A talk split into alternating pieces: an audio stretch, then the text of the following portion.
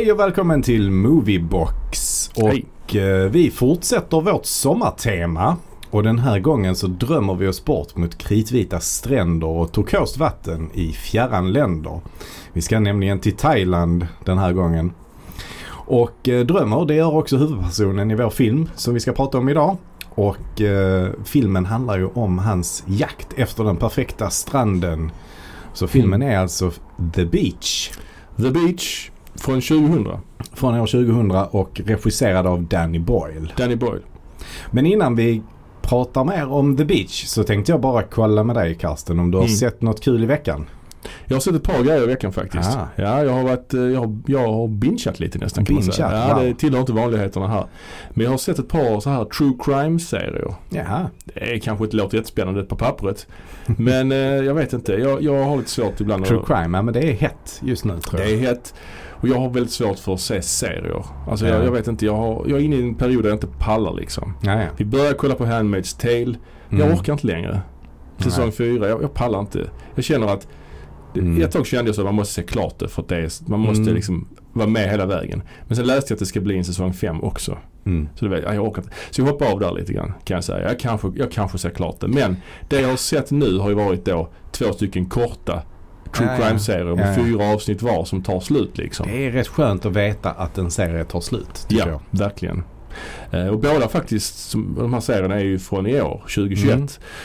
Och den första jag sett är ju då en som heter Sons of Sam. En resa in i Mhm. mörkret. Mm.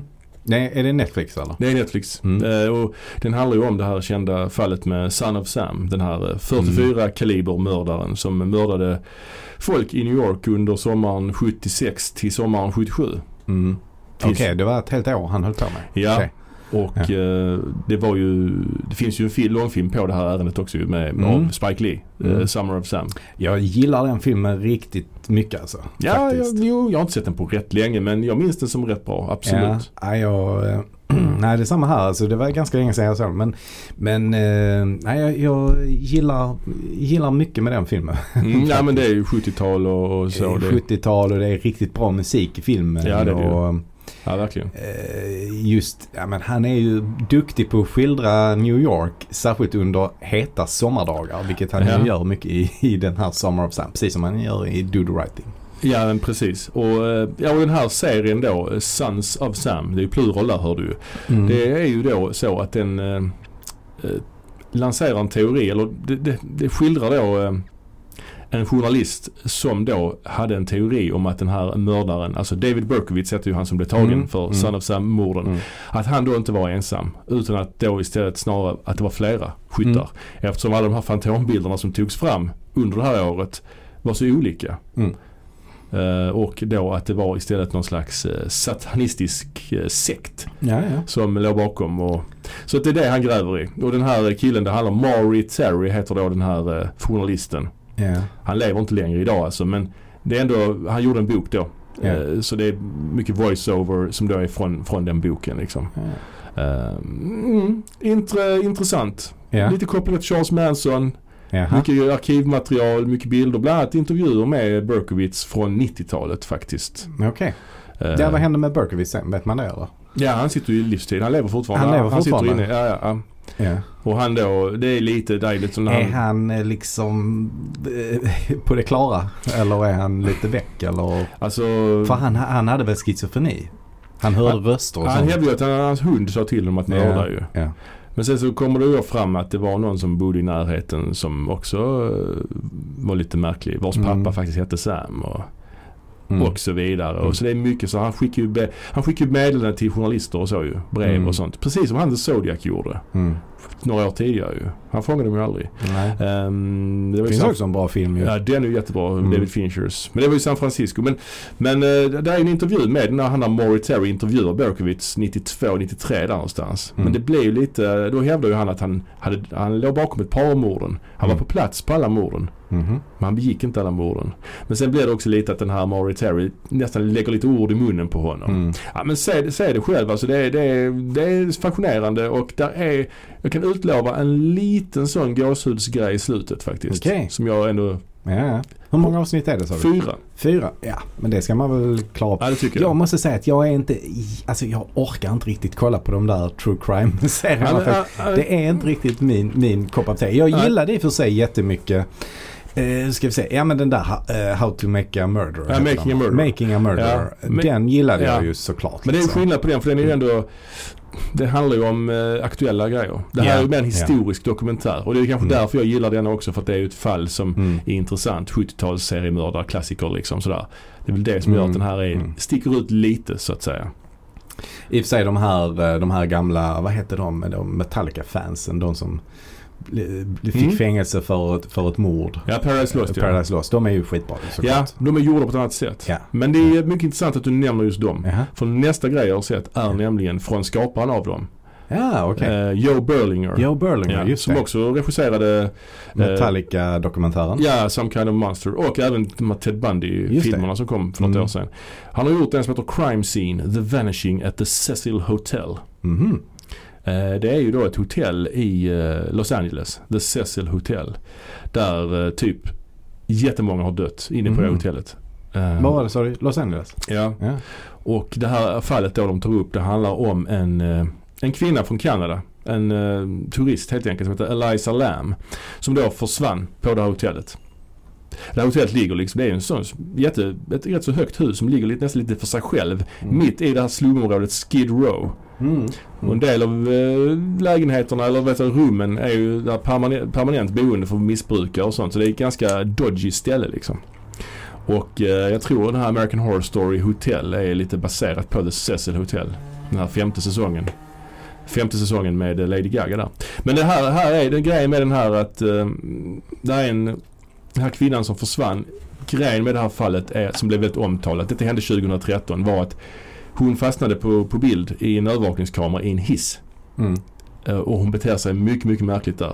Jaha. På den. Va, hur då? då? hon trycker på alla knapparna, går ut ur hissen, går in ur hissen, rör, gör Ja. konstiga gester med armarna och så vidare. Uh. Och detta då talas om... i- Obehagligt. Ja, det är obehagligt. Och det här, jag, jag hade sett det här innan, det här klippet faktiskt. Ja, okej. Innan jag ens visste att den här serien fanns. Men i den här serien så är det lite så här störig dramaturgi. Att de pratar om det här klippet jättelänge innan man väl får se det. Mm. Att det är mycket intervjuer. Ja, när jag såg klippet, jag visste inte vad jag skulle tro. Och så får man se ett sånt kort sekund in, digital inzoomat parti Mm, klippet. mm. Och sen så- alltså, vet, prat, man pratar runt det. Mm. Istället för, det är typiskt amerikanskt att man ska dra ut Ja, på det innan man väl får ja. se det. Så det tycker jag är lite störigt. Jag har faktiskt inte sett klart den här än ska jag säga. Jag har, se, jag har något avsnitt kvar. Ja, ja, men jag, jag, för ganska länge sedan så eh, på ett annat sätt i veckans segment så pratade jag också lite om Joe Berlinger. Han hade ju producerat en, en ny serie. eh, Med, han har då satt ihop ett sånt dream team med olika advokater och utredare och sånt Ja. som skulle ta sig an sådana här eh, mordfall där de trodde att eh, liksom, den här personen då höll på att bli dömd för ett mord han inte Mm. hade begått. Ja. Eh, och den var också verkligen så. Det var, det var mer åt reality-tv-hållet än true crime-hållet. Alltså Ja. de drar ut på det och... Ja, så är det. det Mm, Så är den här mm. också faktiskt. Jag är lite besviken på Berlingen där. Jag tyckte han hade... Han, han Mm. borde vara mer konstnärlig än så. Så att eh, av de här två serierna jag har sett så är ju helt klart Sons of Sam mer intressant faktiskt. Men jag blev lite sugen på att kolla på den där tanten i hissen. Det tyckte jag lät Ja, hon är intressant. inte tant, hon är rätt ung alltså. Hon är Jaha. bara i 20-årsåldern. Ja, ja. Men... eh, Jag tänker att det är en tant. Ja, ja, nej men det... det Det hade varit ännu läskigare. ja, det, på något sätt hade det. Men eh, jag kollar Men bara i 20-årsåldern? Okej. Övervakningskameror är, ju, är ju läskigt liksom Ja. per definition Och när sätt. hände detta då? Det var 2013. 2013? Så det är ändå liksom i modern tid Ja. så att säga. Ja. Men det, som sagt, det har, folk har dött där. Men det var För- inte bara en eh, så att säga snedtändning något slag? Nej, det vet man ju inte. Nej. Det kan ju vara det. Det kan ju vara psykisk ohälsa. Mm. Det kan ju vara mycket konstiga grejer där ju. Men jag ska inte spoila någonting så att säga. Detta har ju hänt på riktigt så det är ju inte att spoila någonting egentligen. Men, Mm. men eh, ja, jag ska se klart. Jag har inte sett klart den än själv faktiskt ska jag känna. Men Mm. ja, det var vad jag såg i veckan. Ja, men det är bra, intressant. Ja, men det där Sons of Sam får man ju kolla in. Ja, helt gör det. Eh, ja, vad har jag kollat på? Jag har kollat på mer, mer film än tv, tror Mm, jag. mm. Mer, mer film än serier. Så jag har sett bland annat, kan vi ju faktiskt säga, att jag har sett Demons 1 och Demons 2. Mm, bra grejer. Ja, de är riktigt bra. Kanske värda ett framtida avsnitt. Ja, kanske Kan man det. ja. Kanske. Ja, men de är rätt intressanta tycker jag. Ja.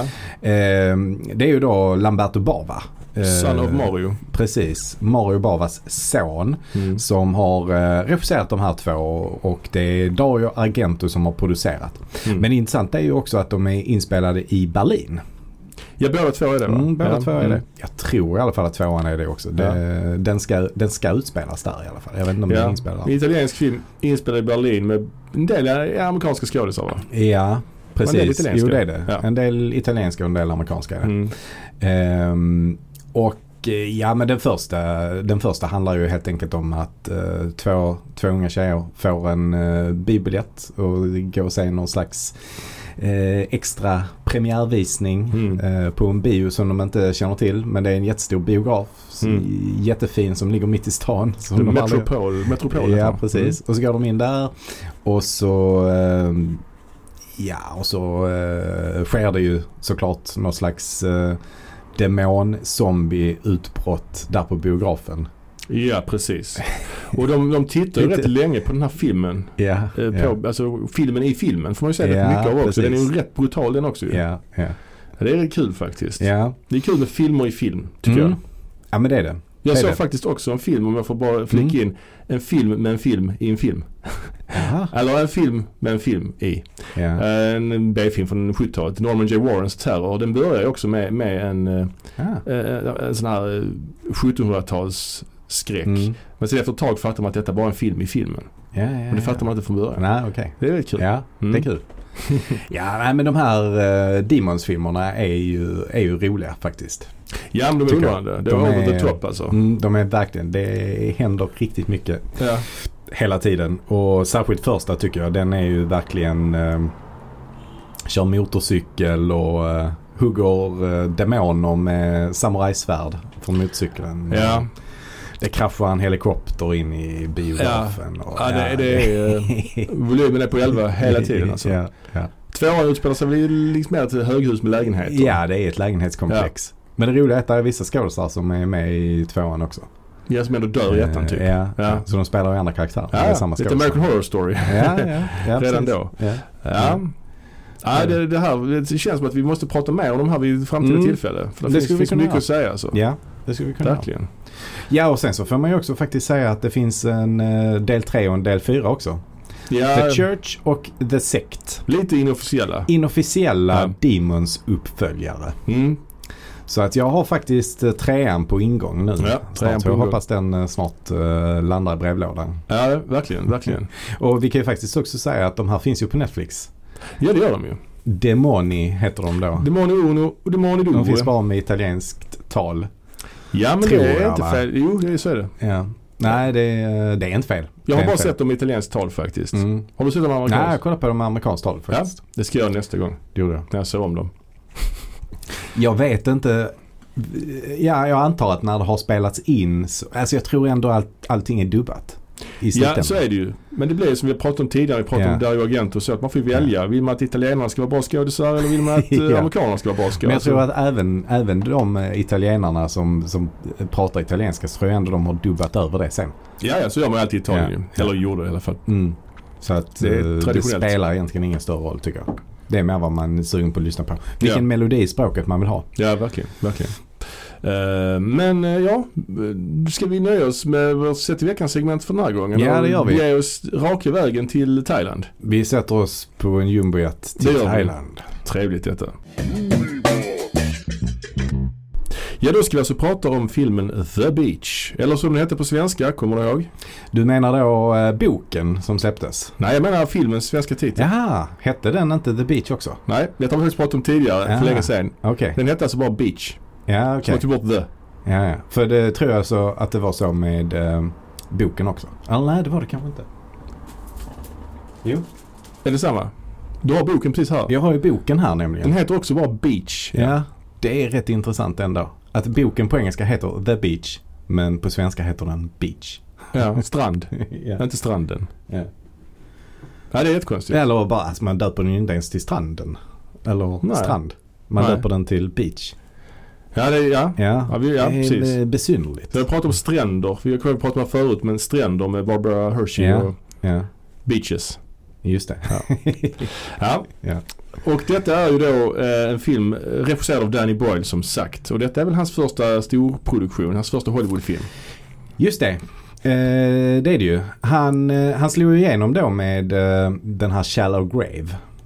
Ja, Precis. Eh, 92 kanske eller sånt. 94 eller vad Ja. det var. Och den blev, ju, den blev ju faktiskt en jättestor hit i England. ja. Och det är med Ewan Eh. McGregor och Christopher Eccleston bland annat va? Ja precis. Mm. Som ju har försvunnit lite tycker jag.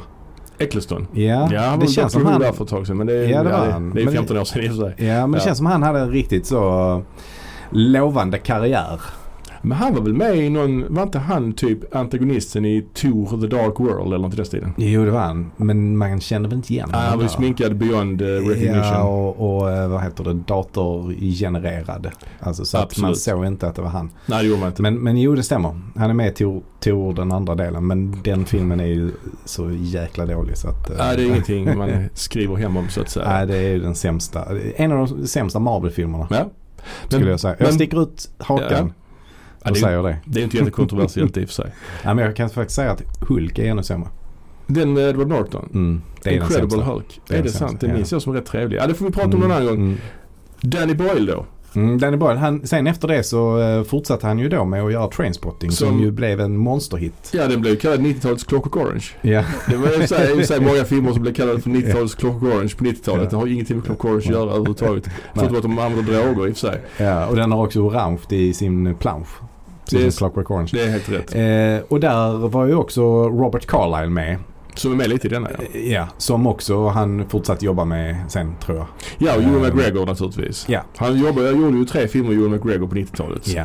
För sen efter Trainspotting så gjorde han A Lifeless Ordinary. Ja, det är väl kanske hans Hollywood-debut i och för sig när jag tänker efter. Ja, det tror jag. Det är det. Ja, det det, blir det det blir det. Ja. Eh, men den är, det är ju inte alls, budgeten på den kan du inte alls jämföra med budgeten på eh, The Beach. Nej nej. Så det, det finns en stor skillnad där. Liksom. Absolut. Lifeless Ordinary är inte sådär. Ah, den är väl lite, vad kan man kalla det? Någon slags road movie med Eh, fantasyinslag. Typ. Ja, det handlar om änglar och sånt. Precis. Alltså det är i grunden en romantisk komedi kan man säga mellan Mm. då eh, Ewan McGregor och Cameron Diaz. Just det. Och sen så är det ju Gud är ju med i filmen också. Den, alltså grejen är att den kom ju i samma veva som Kevin Smiths Dogma. Ja, Den med Ben Affleck och Ja. Matt Damon som också handlar om två änglar. Och där är också Gud med spelas av Ja. Alanis Morissette. ja, ja. Ah, Jag har svårt för sånt alltså. Ja, jag har svårt för det också. Och den filmen blev ju absolut ingen hit. Nej. Den, den, den blev ganska sågad när den kom. Och Precis. ingen, blev ingen, alltså den gick nog inte, den spelade nog in sin budget tror jag. Men inte Mm. mer. Så att eh, han ser nog den som ett misslyckande tror Ja, jag. så jag tror ändå han håller den lite varmt om hjärtat alltså. Ja, nej. Jag har för mig jag har hört det Okej. någonstans. Mm. Till skillnad från den här filmen vi ska prata om idag som Mm. han inte riktigt trivdes med. Mm. Han trivdes ju inte med en sån här stor budget uh, storfilm liksom. Nej. Han är ju van vid små team och sånt. Det här var ju Ja. en jättefilm detta ju. Ja, precis. För sen då, eh, år 2000 så, så släpptes ju The Beach. Och det här Ja. var ju ett stort steg upp för honom ju. Verkligen. I, i ehm, budgetmässigt. Ja, det är 50 miljoner i budget tror Ja, jag. den hade 50 miljoner. Vilket var jättemycket på den här tiden. Ja, det var det.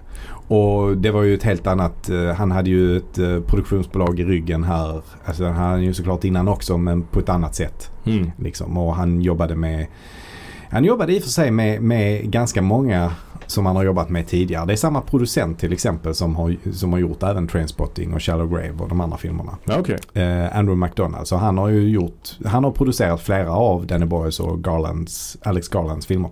Ja, För Garland måste vi prata om lite Mm, kanske för. Alex Garland är ju då den som har skrivit boken Ja, eh, The Beach. Och eh, det är ju som sagt på den eh, som filmen bygger. Ja. Eh, och den släpptes 96 så att det är inte så långt eh, innan filmen eh, gjordes. Nej, precis. Och det blev en sån här kultbok bland backpackers kan man ja, väl säga. och inte bara backpackers egentligen. Nej, men men framförallt kanske bland backpackers. Men, men det blev ändå en sån generationsbok. En annan Så. sån bok är Shantaram Ja, Är också en precis. backpacker. Fast det, Ja. är in, det är Indien. Ja. Ja, ja. Men absolut, jo det är ju Ja. det, är ju, det, är ju det klassiska. Den är tjock som fan den här. Ja, den är säkert. Jag har den hemma någonstans faktiskt. Har du jag har inte läst den. Den är säkert 800 sidor. Men jag har varit faktiskt på en del av locationsen från Shantaram Ja, i okej. Indien. Ja, Det kan vi kanske återkomma till. Men ja. ja, vad vad var vi nu? Garland? Vad, vad fan? Ja. Ja men Garland då var han eh, skrev ju den här boken och det var nog hans debutbok tror jag och eh, Mm. eh, ja s- verkligen slog igenom där med sin, sin första bok. Ja och sen har han ju Eh, utvecklats till något annat. Idag är han ju regissör. Ja det är han. Sci-fi. eh, Ja, han har väl övergått helt och hållet till att bli, han skrev ju, fortsatte ju skriva fler böcker sen efter det. Bland annat skrev han den här The Tesseract som också blev film. Ja, ja. Ehm, inte alls lika stor succé. Vill minnas att han också skrev manuset till Danny Boyles Sunshine. Ja, men sen har han ju gått över till att skriva mer manus. Så att Ja. han har ju även skrivit manus till 28 dagar senare. Just det, Danny Boyles uh, zombiefilm kan man säga. Just det. Mm. Och så har han skrivit manus till filmen Dread. Som Ja, kom, eh, så att det är ju någonting helt annat. Judge Dredd-filmen där Ja, och den kom ju 2012 kanske. Kanske. Däromkring. Ja. Bra film faktiskt. Mm. Men sen efter det har han ju även börjat regissera Ja. eh, lite av sina egna manus. Ja. Eh, och då har vi ju då Med till den äran. exempel, Med den äran, ja. Ja. precis. Vi har ju då till exempel Ex Machina. Med allas vår Alicia Vikander. Just det. Ja, Eh, mycket bra film. Mycket bra film. Och sen så Annihilation heter de va? Ja, Annihilation Annihilation. med Natalie Portman. Mm. Också trevlig tycker jag. Mm. Och där har vi bra. också någon svensk som är med. Det är Tuva Novotny, ja. Just det, just Ja. det. Ja, den är rätt stjärnspäckad. Tuve Novotny, Jennifer Jason Lee, Jason Ja. Isaacs. Ja, lite så. Ja. Eh, och sen så har han ju då gjort eh, Devs också. Eh, en sån här Mm, serie just som det. gick på, ja den fanns på eh, HBO, HBO, ja. i alla fall. Men det var nog FX. tror jag, Ja, som- jo som- men den var väl eh, helt okej. Mm, jag tycker den var jättebra faktiskt. Ja, jag, jag, jag har faktiskt glömt nästan den. Ja, Jag tyckte nog inte ja. den var jättebra. Men jag tyckte den var Mm. trevlig. Jag, jag såg hela. Mm. jag såg klart den. Ja. Eh, Ja, jag, jag, jag gillar den som fan. Han har ju gått över väldigt mycket till så här tech noir. ja, just det. Just det. Eh, så att han har ändrat, eh, ändrat bana lite grann Verkligen. från sin debut. Kan man säga. Och, och Danny Boyle har ju däremot, han har ju fortsatt. Eh, Ja, lite på samma spår, eller kan man inte säga. Men han har, jag tycker att han har blandat och gett. verkligen. lite grann. Han, han har gjort, eh, men han har nog ändå alltid gjort rätt mycket succéer efter detta. Så även om Ja. det, Alltså på 00-talet gjorde han ju mycket genrefilm. Eller mycket. Mm. Han gjorde ju 28 dagar senare så gjorde han Sunshine. En, en skräckfilm Mm. och en sci-fi film. mm, Sen har han ju då gjort eh, den här Slumdog Millionaire som blev Mm. värsta Oscarsvinnaren. den blev ju en jättestor Ja. succé. Och Oscarsvinnare och, och sen allting. den här, hur heter den, 127 tim, Da- timmar da- måste det vara. Ja, det måste det vara. Alltså fasta varmen. Tyckte jag också var mycket, mycket bra film. Ja, ja. Sen har han väl gjort lite mindre eh, bra filmer. Sen Han- han den här Yesterday nyligen ju den här. Det är ju hans senaste film. Den är ju väldigt så här, den är ju småputtrig. Men det är ju ingen, det är ingen, ingen Den var autörfilm inte liksom. bra. Den var inte bra. Ja, men det var en sån, eh, det, det är en sån slötittarfilm. Ja, Det men det var inte, en det är ju inte dålig, Great Cinema. nej, dålig slötittarfilm tycker jag. Ja, alltså, man ju hellre Demons 1 och 2. Såklart. Givetvis. ja, Men äh, ja, nej den, den eh, tyvärr alltså den. eh, nej, sen vet jag inte vad mer. Han har gjort något som heter, vad fan har han mer inte. gjort för någonting? Ja, nästan alltså.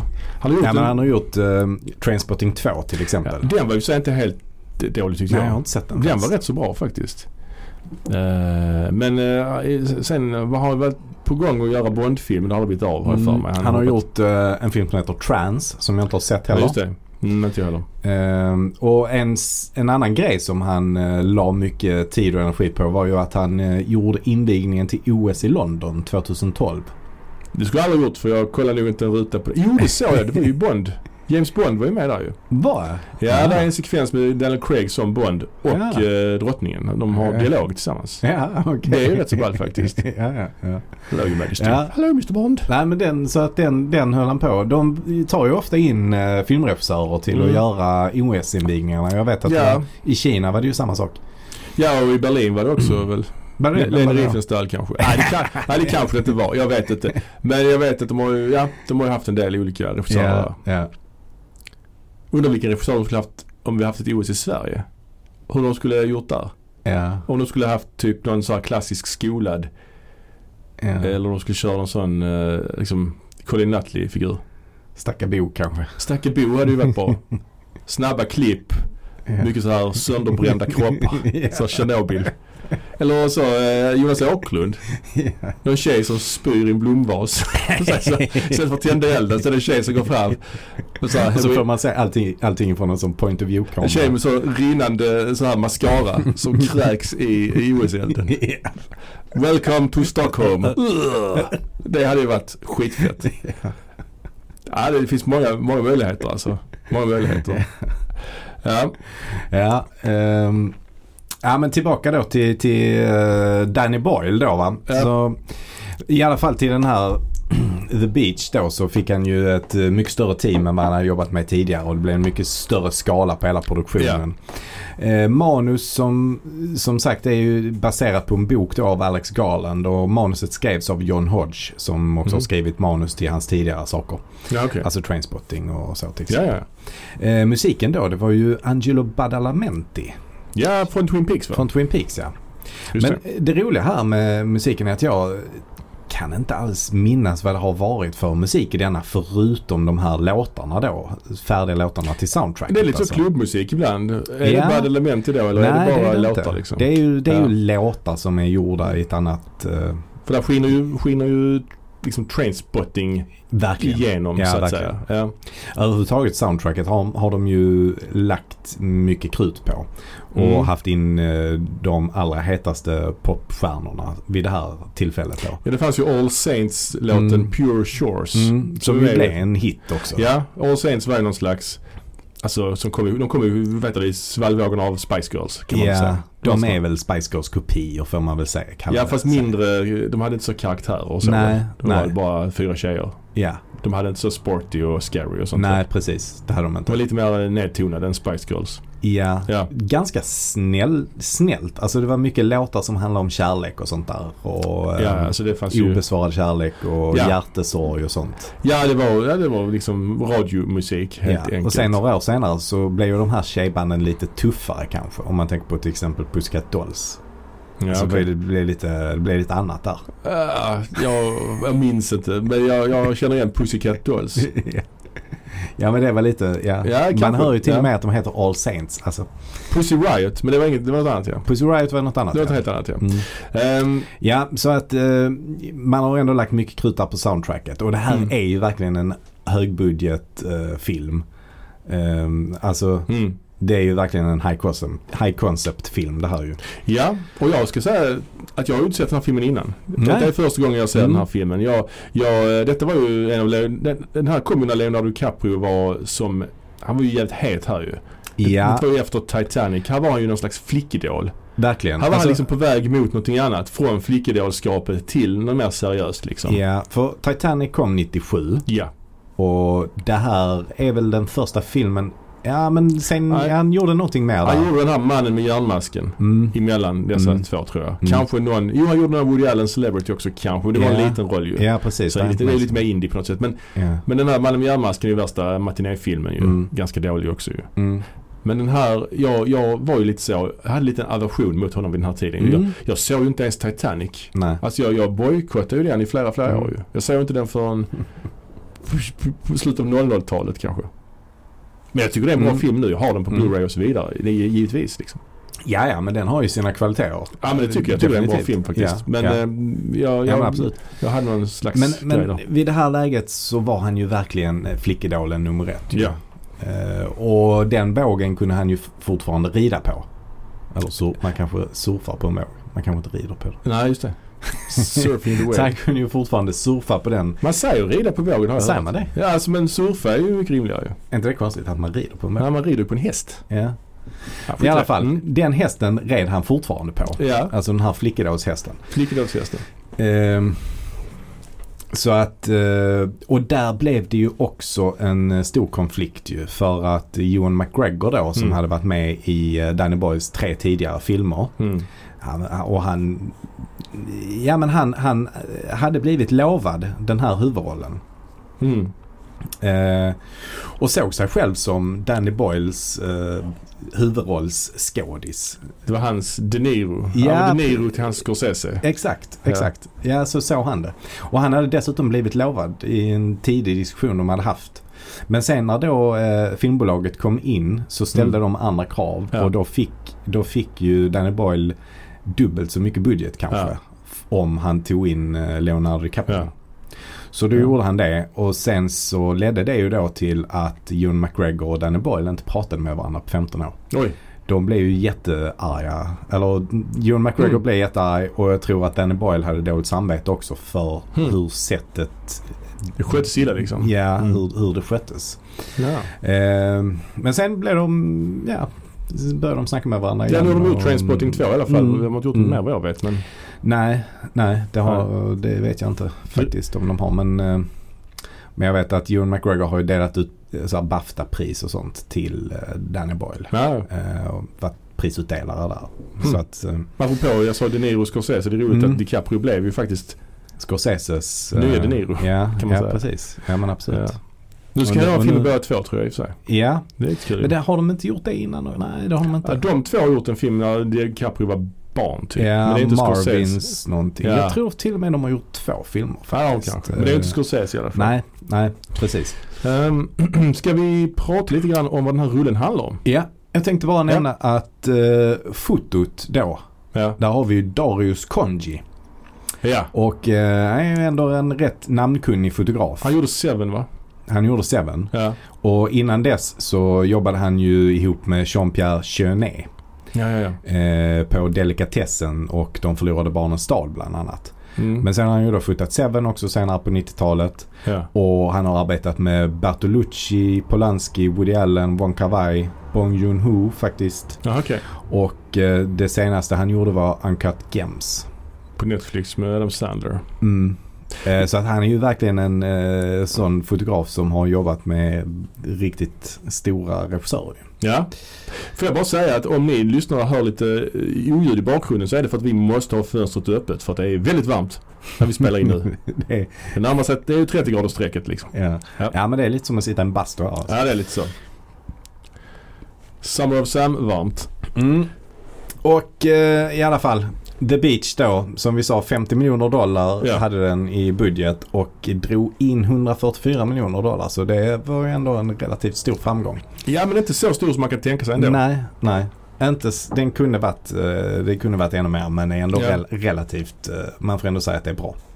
Men det var väl det att den kanske hade en snävare målgrupp. Ja. Än vad man borde haft med den budgeten. Mm. Kanske Mm. för att tjäna riktigt mycket pengar. Sen kanske också lite, alltså visst Leonardo DiCaprio, men han var ju den enda stora stjärnan i filmen. Ja. Alltså jag, jag, när jag, jag såg den här för första gången, jag hade ingen aning om vem som var med med. Jag, Tilda Mm. Swinton är med, det hade jag ingen aning om. Men hon var ju inte stor då kanske. Ja, hon var ju inte det. Nej. Alltså detta var ju faktiskt hennes eh, första stora roll. Mm. En annan stor roll hon hade gjort tidigare var Orlando 92. Det är Så ju- att det här är hennes genombrott också. Mm. Och sen har vi ju då som sagt Robert Carlyle är med också och gör en uh, pytteliten roll. Ja, han gör ju så. Han är ju med lite i början ju. Mm. Och Mm. där tänker man, fan vad lite han var med. Han måste ju vara med mer sen. Och det är Mm. han ju. Men det är ju, det är ju ingen spoiler Mm. detta.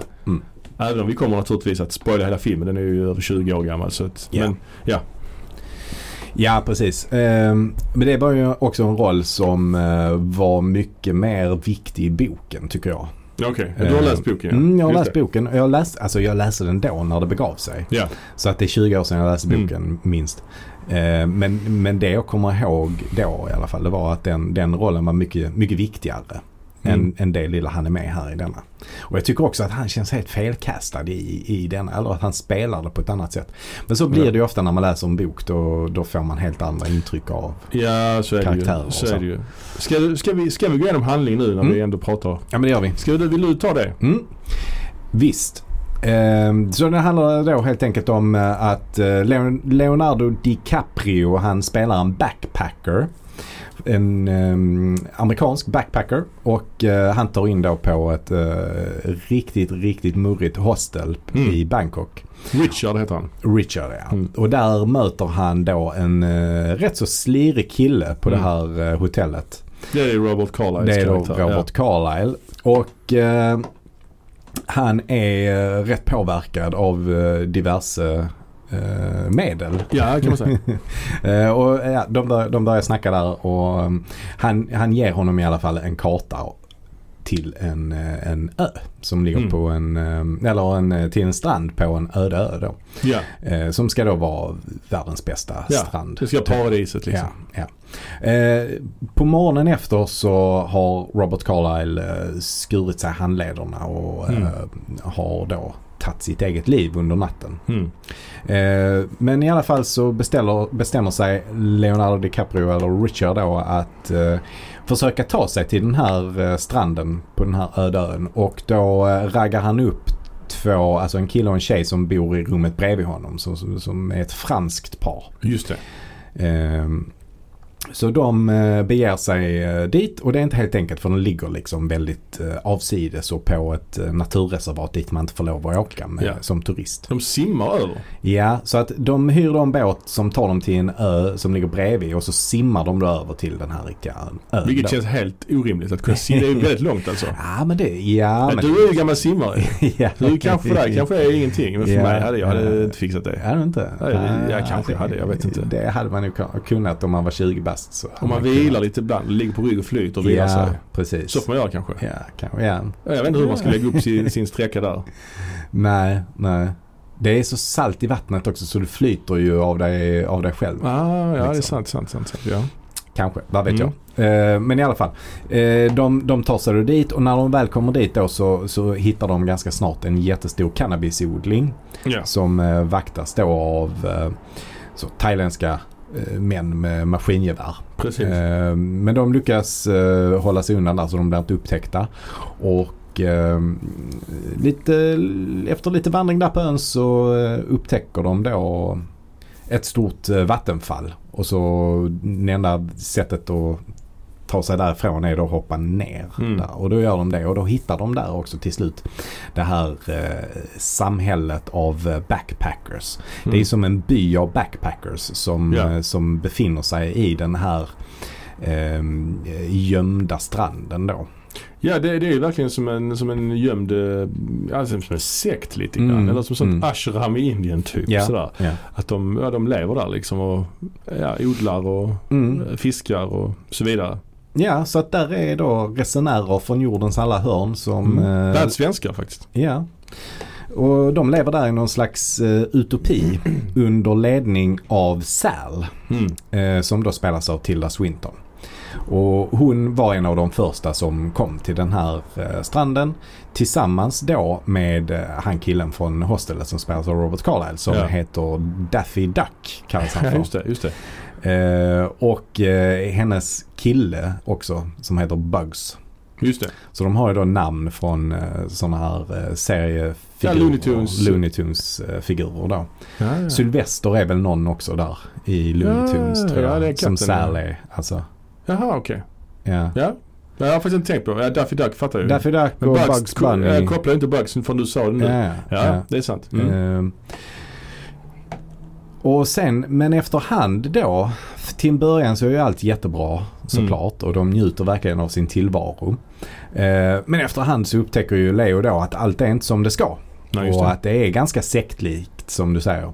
Och, och att den här Sal då, hon är villig att gå över lik för att skydda tillvaron på ön. Ja, för de är ju inte så välkomna. De, de blir ju inte så välkomna när de kommer Nej. dit. För de vill ju inte att nya människor ska komma dit. Mm. Den här kartan ska ju hållas hemlig liksom. Mm. Ja.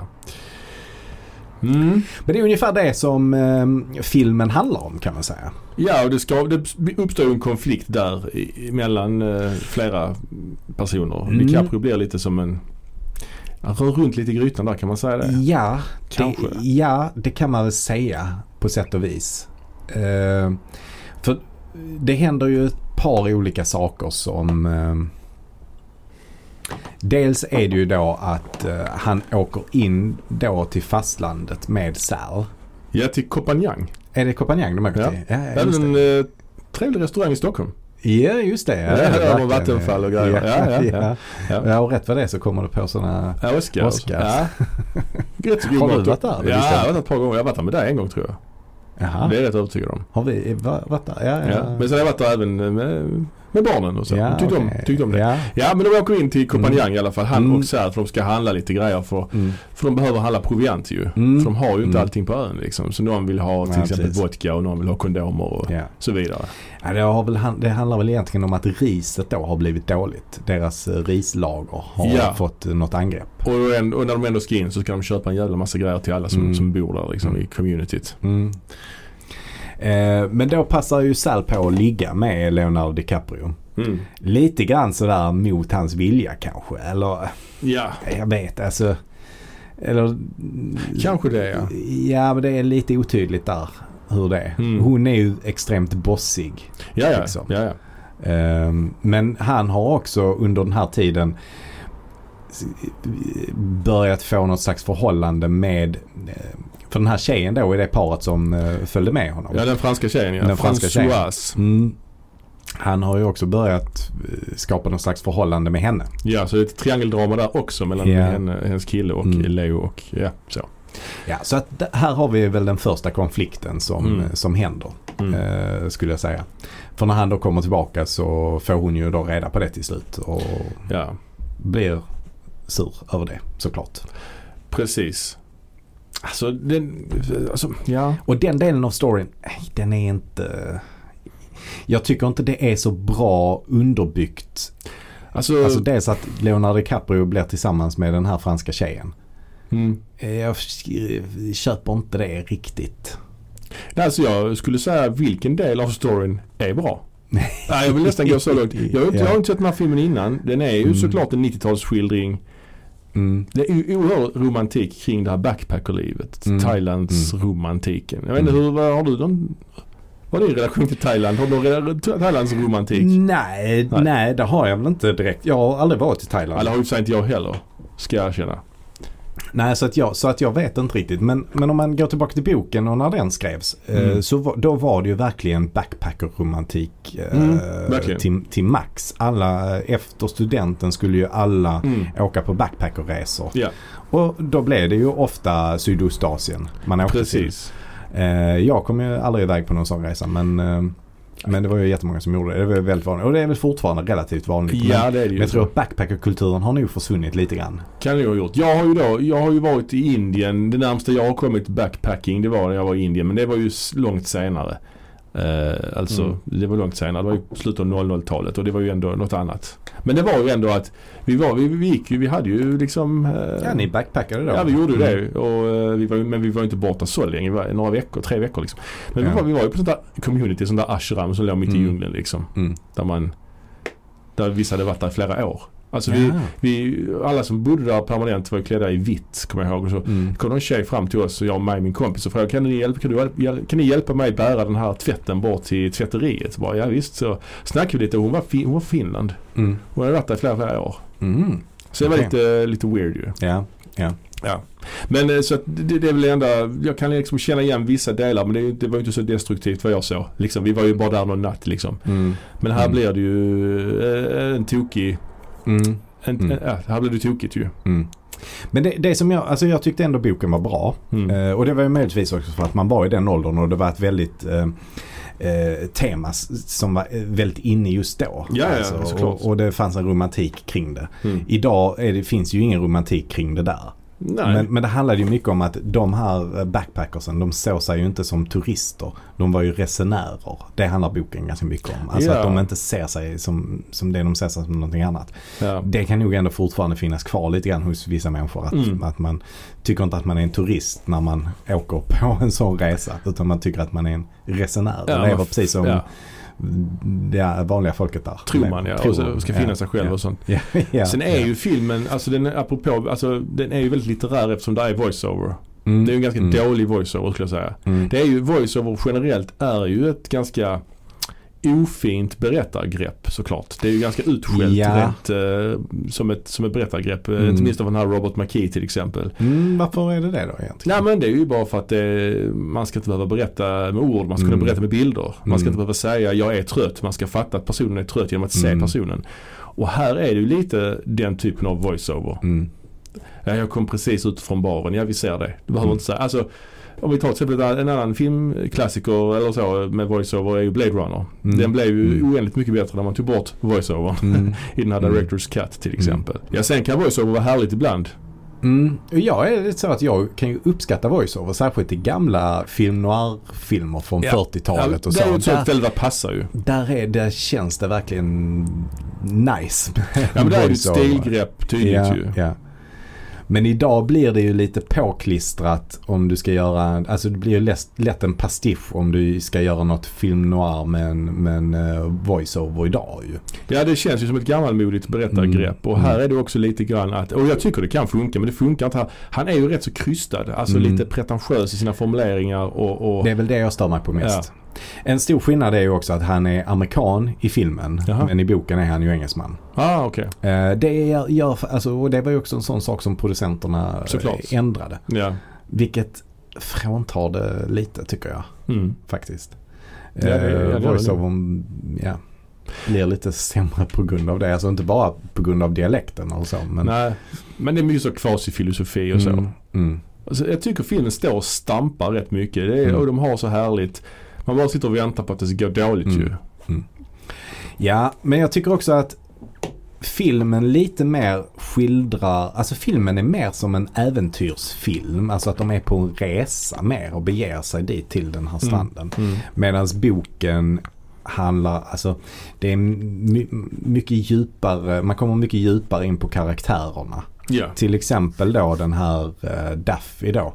Även om han inte är med egentligen så mycket. Så Mm i, för han dör precis i början. Ja. Alltså precis som i filmen. Men han återkommer ändå hela tiden och blir som en mycket mer mytisk figur. Eftersom han var en av de, som, en av de tre som kom till stranden först och grundade den här, det här samhället. Ja, ja. Så blir han återkommer hela tiden och de andra människorna pratar om honom väldigt mycket och så i boken. Mm. Det var mitt, mitt minne av det i alla fall. Mm. Medan här försvinner han ju bort i periferin. Ja, där, han är med i någon flashback eller en drömsekvens senare Mm. också.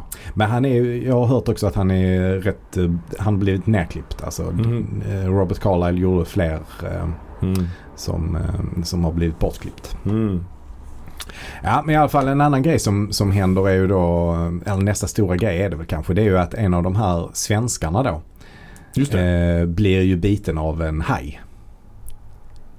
Ja, för att det är ju någon sekvens tidigare man etablerar hajarna. När Ja. Leonardo blir attackerad av en haj. Ja. Det är riktigt dålig scen alltså. ja, Det är riktigt kackigt gjort alltså. Det är så dåligt klippt och, och ja, det är så dåligt.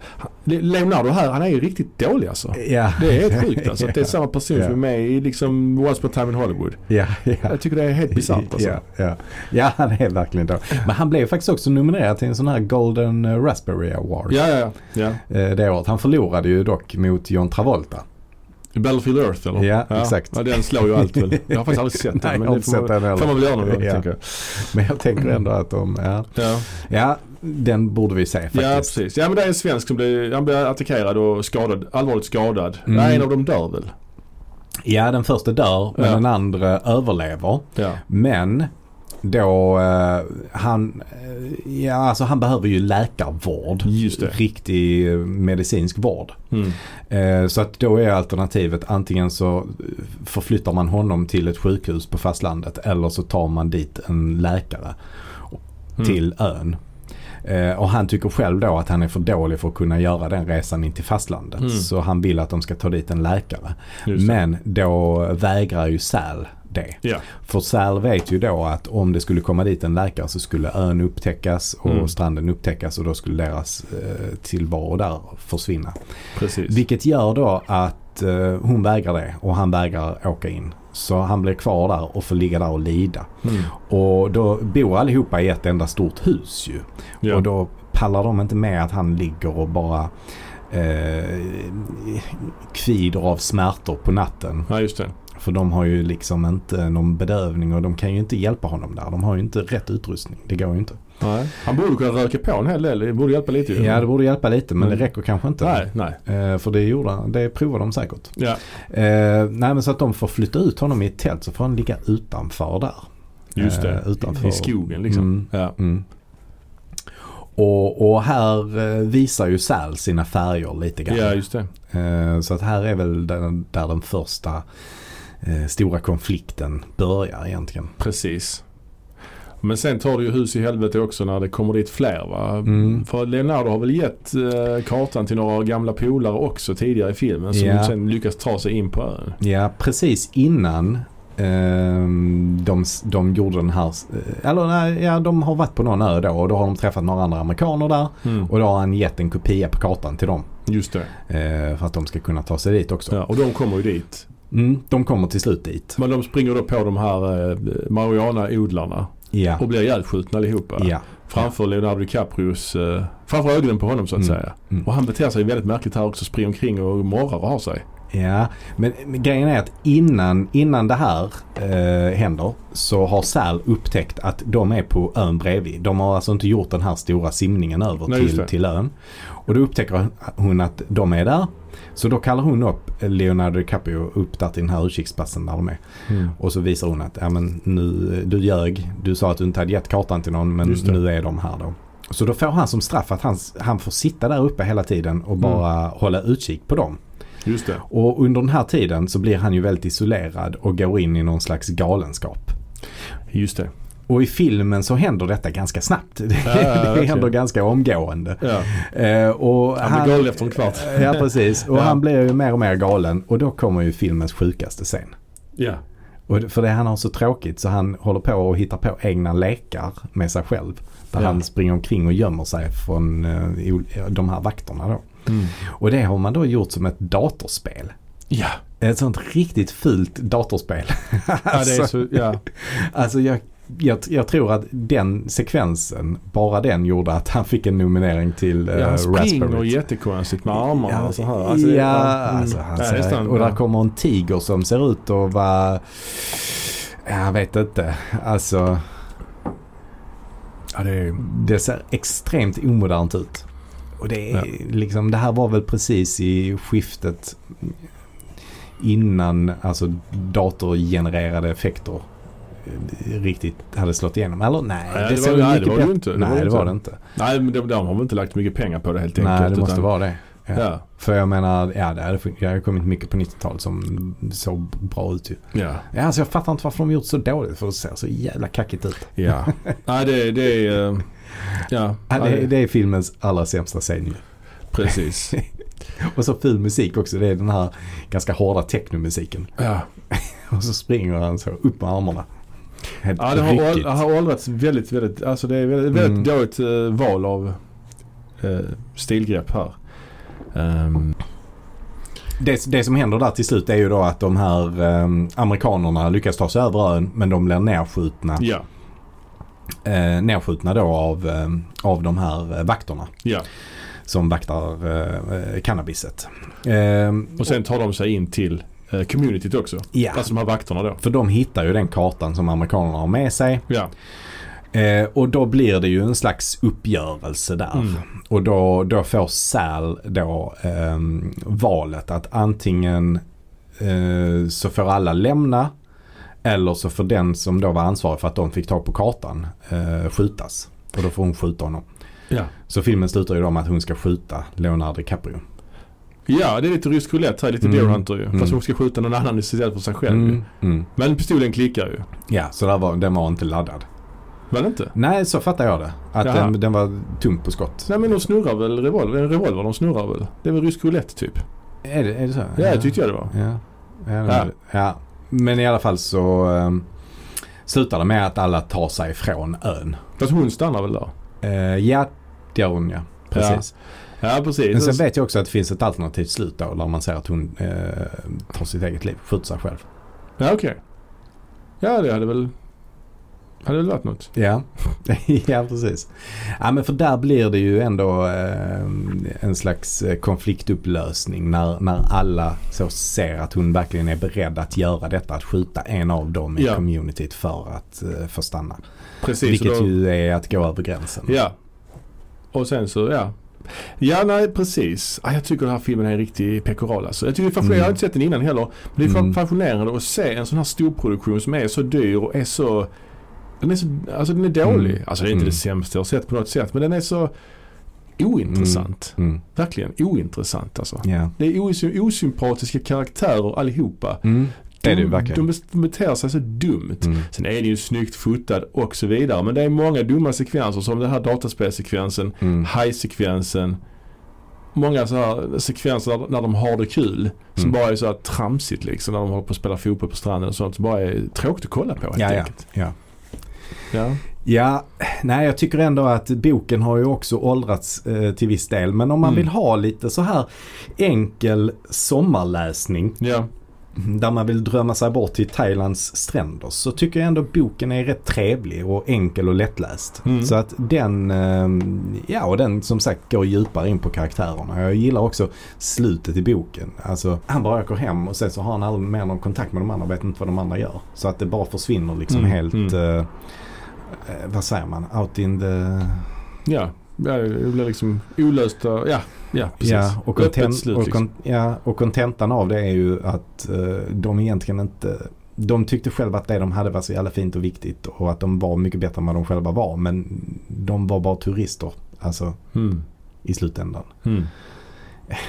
Ja, Nej, jag vet inte. Ja, det var det. ja det var det.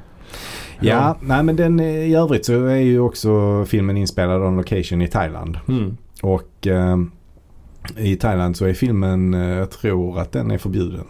Jaså? Ja, del, av lite olika anledningar. Alltså dels så vet jag att det har varit mycket mm, så här ehm, Alltså att det var mycket skador på miljön där på, på ön där de spelade in. Ja, det ringer bekant ja. Ja. Mm. Så att det har varit en del rättegångar mot eh, produktionsbolaget där de har, ehm, alltså thailändska staten har väl då stämt eh, produktionsbolaget. Mm. Eh, som jag tror de har blivit fria, friade för. Men, eh, men, men den här ön har ju också blivit ett, eh, eller den här stranden i alla fall har Ja. blivit ett sånt jättestort turistmål. Ja. Och alla turister som kommer dit eh, skadar också naturen jättemycket. Mm. Så att de har stängt av den stranden. Man får inte åka dit som turist. Mm.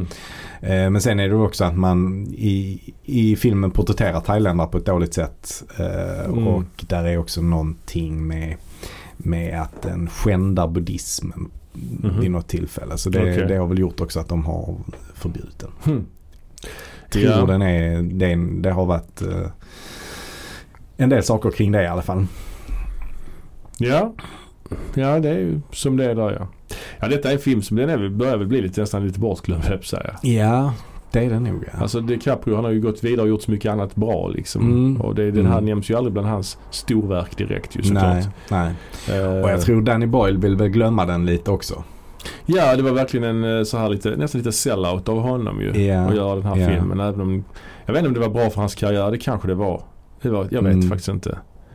Det var det. Det är kanske ett naturligt steg att ta. Liksom att gå från eh, den här hitten, indie-hitten så att säga, Trainspotting till en storfilm baserad på en bestseller som ändå har viss, viss tematik med droger och så ungdomar och så vidare. Mm. Gemensamt då med, med före, föregående film. Det som är bra är ju att han har fortsatt jobba med Alex Garland. Ja, jo, han gjorde ju Sunshine där ju till exempel ja. Ja, och 28 dagar senare. Ja, ja, precis. och, och Alex Garland har ju också tack vare det lyckats skapa sig en karriär inom film. Ja, Det kanske han hade gjort ändå. Det vet Kanske man inte. inte. Men, men kanske inte. så det är kanske det vi ska tacka den här Ja. filmen för. Ja, det kan jag nog eh, ändå tänka mig. Att Alex Garland ändå gjorde Annihilation och, och Ex Machina. Ja, precis. detta liksom. precis. Och Devs. Och Devs. Ja. ja absolut. Och vet du vad? Det är, har också snackats ganska länge om att det ska göras en remake på den Alltså, här. Fast som en tv-serie. Okej. Eller inte en remake heller. Utan Men det blir det ju inte eftersom det är en bok från början. Du vet hur jag tänker där kring Ja, det. ja, Bok ja. originalet. Men, men det här ska då alltså, man, man ska göra en, en slags origin story. Åh gud. Origin story. Som handlar då om hur, ehm, Hur de de, här, ja, hur de kom dit först. Men den ska utspela sig i nutid. Aha. Så att det blir ju inte heller en origin story till, till filmen The Beach. Utan, Nej. Utan eh, ja det blir kanske någonting helt annat. Men det kommer handla om de karaktärerna. Hur Det blir de, som en prequel ja, i, fast den utspelar sig efter. Det är ju super. Ja. Det är snurrigt ju. ja, ja det är snurrigt. Det är faktiskt snurrigt. Man får nog, jag tror man får bortse från, eh, från både filmen och boken. Helt och hållet. Och bara se det som en origin story. Eller till skulle kunna vara en helt annan film egentligen. Ja. egentligen. Ja. Helt, en helt egen Mm. film. Fast Mm. man måste koppla det till någonting Mm. annat som redan finns. För att, Men det har snackats om den Ja. ganska länge. Jag Ja, tror det började snackas om den 2018. Okej. Och jag vet ännu inte om det är någonting som är på gång. Men eh, det, den eh, ligger där och, som ett projekt och håller på och Ligger där och kanske, skvalpar i strandbrynet.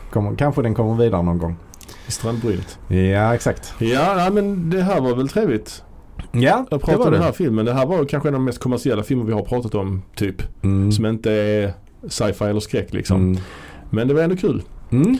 Och eh, nästa gång så kommer vi bege oss till något nytt resmål. Då blir det- Somrigt. Då blir det Grekland och de grekiska öarna. De grekiska öarna blir det ja. Det blir trevligt det också. Ja. Så att eh, ha det nu så fint ute i solen. Glöm inte smörja med solkräm och ta det lugnt sånt. Och dricka mycket vatten. Drick mycket vatten ja. Och lyssna på Moviebox när du ligger på beachen. Ja. Ja. Så eh, ha det så gott. Ha det bra. hej.